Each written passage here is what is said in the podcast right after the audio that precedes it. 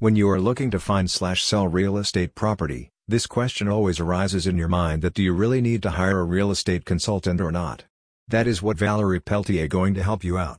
Here is a complete guidance on real estate consultants' primary roles and responsibilities, how they can help you and why you should hire one if you are running a business. Real estate consultants are licensed professionals. They usually work under a real estate brokerage company or organize